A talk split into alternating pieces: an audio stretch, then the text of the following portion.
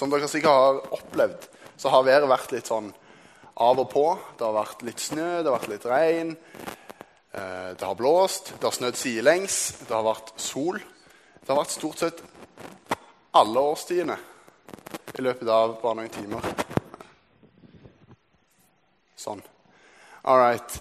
Eh, det jeg vil fram til, er at det, Vestlandet, og spesielt liksom Rogalandsregionen, det kalles for bibelbeltet.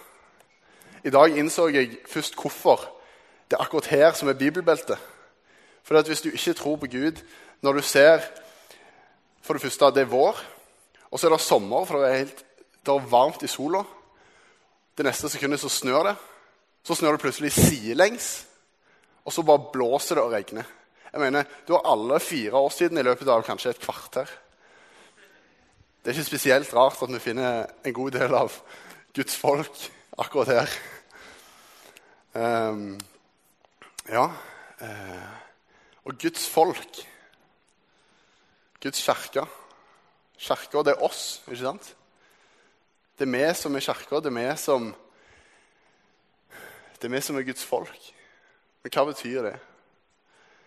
Uh, og gjennom denne serien her, det å være kirke, det å leve kirke så har dere vært igjennom en del temaer, hva det betyr, og hva det vil si. Eh, I dag har jeg lyst til å trekke det litt tilbake. Hva tid begynte det? Hvordan begynte det? Hva begynte det med? Hvor er starten? Eh, vi leser i Første Mosebok, eh, Første Mosebok 12, 1-3. Herren sa til Abraham, dra bort fra landet ditt og fra slekten din og fra farshuset ditt til det landet som jeg skal vise deg. Jeg vil gjøre deg til et stort folk. Jeg vil velsigne deg og gjøre navnet ditt stort. Du skal bli til velsignelse. Jeg vil velsigne de som velsigner deg, men den som forbanner deg, skal jeg forbanne. I deg skal alle slekter på jorden velsignes. Dere ser at jeg har eh, strekt litt unna her. Eh, vi kjenner gjerne Abraham som Abraham. Grunnleggeren for eh, Israel og jødedommen. Vi kjenner Abraham som en troshelt. En som var rettferdig i Guds øyne. En som, en som tørde å stole på det som Gud lovte ham. Han var faktisk villig til å ofre sin egen sønn. Kan dere se for dere det? Du har én sønn. Han har teknisk sett to, men han har én med kona si. Han tar med seg sønnen opp på fjellet, og så, eh, og så står han klar. Sønnen er stor nok til at han greier å bære liksom, veden. Og det skal ganske mye ved til, så han er ganske gammel. Men han står klar til å ta livet av sin egen sønn. Så mye stolte han på det Gud hadde lovt han. Så, så trygg var han på Gud at det, Gud kan eh, reise min sønn opp fra de døde. Bare jeg følger det han vil. Det er den Abraham som vi kjenner til. Det er den Abraham som vi tenker på når vi hører navnet. Men hva forutsetninger hadde Abraham når han ble valgt? Det står, at, det står ingen plass at Abraham trodde Gud fra begynnelsen av. Det står ingen plass at Abraham kommer fra en slekt som alltid har fulgt Gud alltid hatt Gud for hjertet. Ja, det er sant. Abrahams slektslinje den går tilbake til Noah og tilbake til Adam. Stammer rett fra Gud. Han stammer fra de som har stolt på Gud. Men det står òg at eh, Han sier at du skal, bli, du skal bli et stort folk. Han skal bli far til mange. Men Abraham han kommer fra en plass som heter Ur. Uh, og det er Kaldea det, Nå blir det veldig teoretisk her. Men la meg si det sånn Ur er kjent fra den tida tilbake til å være et sentrum Et sentrum for månedyrkelse. Der var Gud månen. Altså, eh, månen var Gud. Det var Gud de tilba, det var Gud de ofra til. Ja vel, velger Gud en sånn mann? Til å være far for sitt folk. Det er jo litt interessant. Samtidig så har eh, Abraham han har ei kone. Vi kjenner henne best som Sara, men opprinnelig så heter hun Sarai.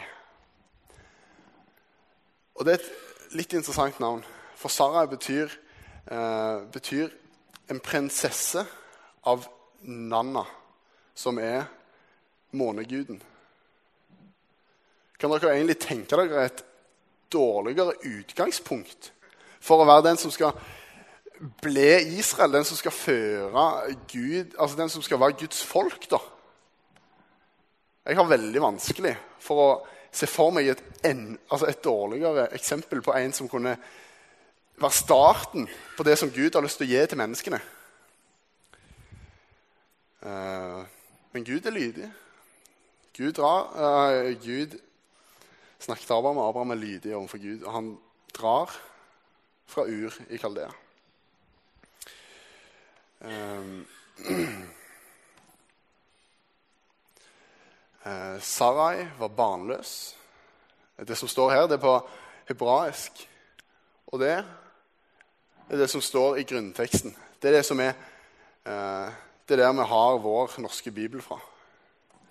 Uh, og hun kunne ikke få barn. Grunnen til at jeg har med dette ordet, det uttales akara. Akara. Grunnen til at jeg tar med dette ordet, her, grunnen til at jeg viser dere litt av det som Bibelen forteller oss i sitt originalspråk, det er fordi at barnløs det dekker ikke liksom begrepet. Barnløs er ikke nok for at vi skal kunne skjønne hva, hva det betyr at du ikke har noen unger. Sånn, vi leser at hun er oppe i 70-åra, hun er gammel. Hun, kan, hun, er egentlig for gammel til å få unger. Men det er ikke bare det. Hun har aldri kunnet fått unger. Ordet akara det brukes om Rebekka, som er Isaks kone. Det brukes om Rakel, som er Jakobs kone. Og det brukes om Israel, altså jødene, når jødene er bortført til Babel. Akara. Det betyr øde. Det betyr dødt. Det betyr Altså, det at hun var eh, barnløs, det betyr at hun var like ufruktbar som ørkenen. Enda bedre utgangspunkt, ikke sant? La meg bare gjøre deg til et stort folk, du som er tørr som en ørken. Du som ikke har noe morsliv inni deg, du som ikke har nubbsjans til å bli gravid. Deg skal jeg gjøre til en ørken. Deg skal jeg ta fra ørken til å bli mor til et stort folk. Ja, det tok litt tid. Men hun fødte en sønn. Det skjedde igjen. sant? Det samme skjer med Isak. Og Rebekka er Akara. Hun òg er helt tørr. Jeg mener, disse gutta her de har det med å velge damer som ikke kan gi dem barn. ikke sant? Eh, men jeg tror det er en hensikt med det. Jeg tror Gud har hatt en plan i det hele. Det at de var, det at de var barnløse, det at de ikke hadde nubbsjans til å få barn. Det var Guds plan for å vise sin nåde for menneskene. Han valgte Abraham fordi han var rettferdig. Han valgte Abraham i sin nåde fordi han ønska å bringe frelse til menneskene. Eh, og han ønska å fri Israel og egentlig hele jorda ut fra sitt fangenskap. Og jeg tror det at eh, vi er i samme båt. Vi har alle vært akara. Våre liv har vært helt ufruktbare. De har vært helt døde. Vi har alle sammen vært døde. Jeg har vært død. Mitt liv har vært død. Jeg kommer fra en ikke-kristen familie. Jeg kjente ikke Jesus. Det var ingen sjanse for at noe fruktbart skulle kunne vokse i meg. Det var ingenting som kunne vokse i meg. Eh, vi er utvalgt av Gud. Abraham blir utvalgt av Gud. Eh, vi er syndere. Jeg tror vi har litt vanskelig for å si det av og til. Vi kommer, alle, vi kommer fra en syndig slekt. Og vet dere hva? Jeg tror vi i Norge vi kommer egentlig fra ganske samme bakgrunn som det Abraham kommer fra i Ur. Vi har en litt annen gud vi tilber. Vi har et litt annet utgangspunkt. For guden vi tilber, er penger. Selvstendighet. Vi skal greie alt på egen hånd. Det er oss, oss og oss. Vi tilber oss sjøl, vi tilber penger. Um. 1. Peter 1, 3-4 sier det at Lova være Gud, vår Herre Jesu Kristi Far, Han som i sin rike miskunn har født oss på ny til et levende håp ved Jesu Kristi oppstandelse fra de døde, til en arv som aldri eh, forgår, aldri skitnes til og aldri visne. Jeg syns det er litt interessant dette her med en arv. Ja, men hva betyr det, da? Um, hebreerne, snakker om at eh, eh, Abrahams sønner At Abrahams sønner tok del i arven om løftene som han fikk. Ikke sant? Abraham er jo død for lenge siden. Abraham døde lenge før Jesus. Sant? alle som vi leser om i Gamletestamentet, de hadde et stort løfte. De ble alle lova eh, frelse, frigjørelse. De ble lova samvær med Gud. Eh, men det skjedde ikke. Det det betyr at vi har fått en arv, det, det er at løftene de er oppfylt. De løftene som ble gitt Abraham, og som har blitt gitt David, og som har blitt gitt egentlig gjennom hele Gammeltestamentet, de er oppfylt. De er ikke fullbyrda. De er ikke fullbyrda før den dagen vi forstår foran Jesus og dermed forstår og priser han. Men vi, vi har fått del i det. Vi har fått Den hellige ånd i pant. Det det betyr, er at vi har fått Den hellige ånd i oss, Guds ånd. Gud sjøl har tatt bolig i oss. Som et løfte om at vi skal få lov å ta del i resten av den arven som han bringer. Resten av de løftene, resten av fullbyrdelsen. Vi skal få lov på den siste dagen til å stå foran Gud og prise Han. Vi skal få lov å stå med glasshavet, med den store tronen, med all, blant alle kongene som kasta av seg kronene sine og prisa Gud for den han er. For vi har fått ånd i pant. Det betyr at vi har Gud i oss. Og vi kan være sikre på at dagen kommer der vi får lov til å være med Herren. Abraham var blant de første som fikk løftene. Eh, og Abraham stolte på det. Det ble aldri oppfylt. Men det fikk stor innvirkning på måten han levde på. Abraham fulgte Gud. Der Gud sa han skulle gå, der gikk han. Men Abraham var jo ikke perfekt. På lik linje med oss. Han var jo ikke perfekt. Jeg syns det, det, er litt kjekt å lese om òg, for det, det, sier en del om våre liv. Eh, og det sier en del om alle som har gått før oss. For Abraham han følger Gud helt til han ikke tør lenger. Han skal gjennom landet, og så sier han at nei, kona mi hun er egentlig søsteren min, for han er redd for at han skal bli drept. Vi er jo ikke sånn av og til. Men allikevel så har, så har vi del i de løftene som Gud gir oss. Allikevel så får det en stor innvirkning på livene våre òg, på måten vi lever i, på alt vi gjør.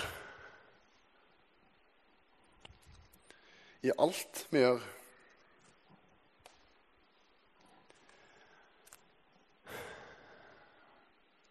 Jeg, jeg elsker å komme i kirka. Jeg elsker å få lov å tilbe og være med dere.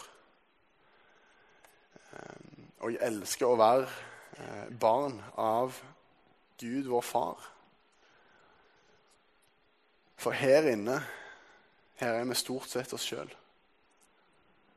I hvert fall under lovsangen og under prekenen. Da kan vi være helt oss sjøl. Da trenger vi ikke å på noen som helst måte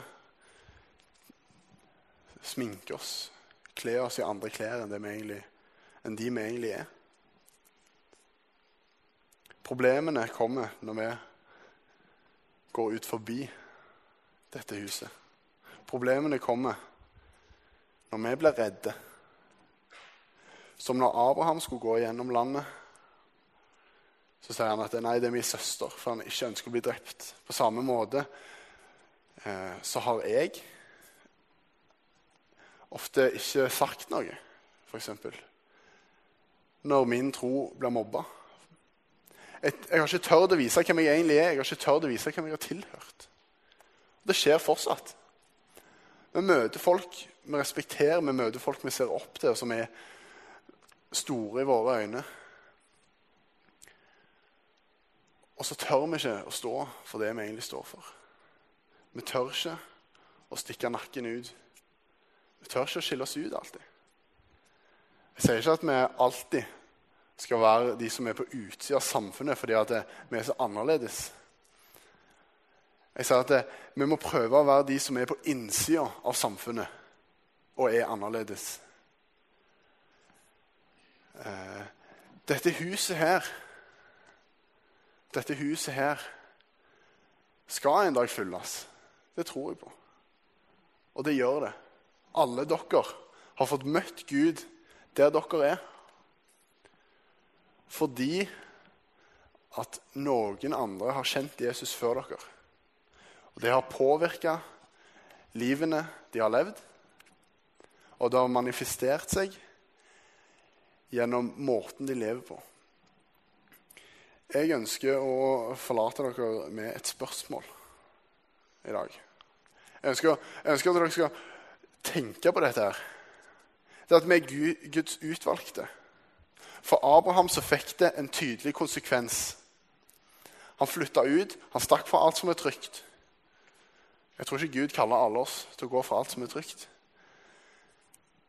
Men Gud ønsker Og jeg tror det er nesten helt umulig å gå uten at det, en, uten at det skjer. Og det er det at troa får manifestert seg utad.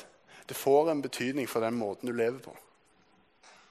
Så spørsmålet jeg vil at dere skal tenke på og dvele på, er hvordan får troen utløp i deres liv?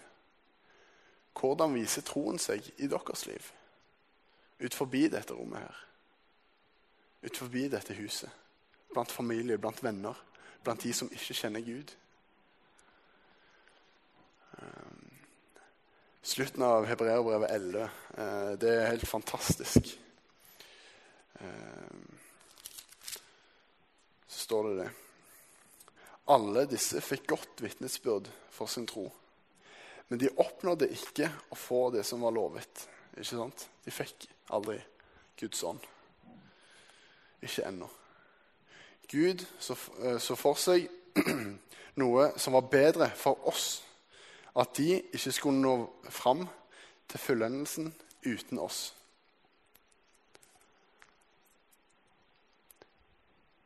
Vi har fått lov til å ta del i slutten av Guds frelsesverk. Vi er så ekstremt heldige. Ønsker vi ikke da å dele av den overfloden vi har? Vi er arvinger med Kristus. Ønsker vi ikke da at enda flere skal få lov å arve Han? Ehm, I det heftet som dere har fått utdelt, så står det eh, en oppfordring til å lese Hebreerne kapittel 11. Eh, det vil jeg bare gi ut her og nå. Det er veldig oppbyggelig, og det er veldig godt. Eh, gjør det, og så, og så tenker dere på hvordan troa får utløp i deres liv.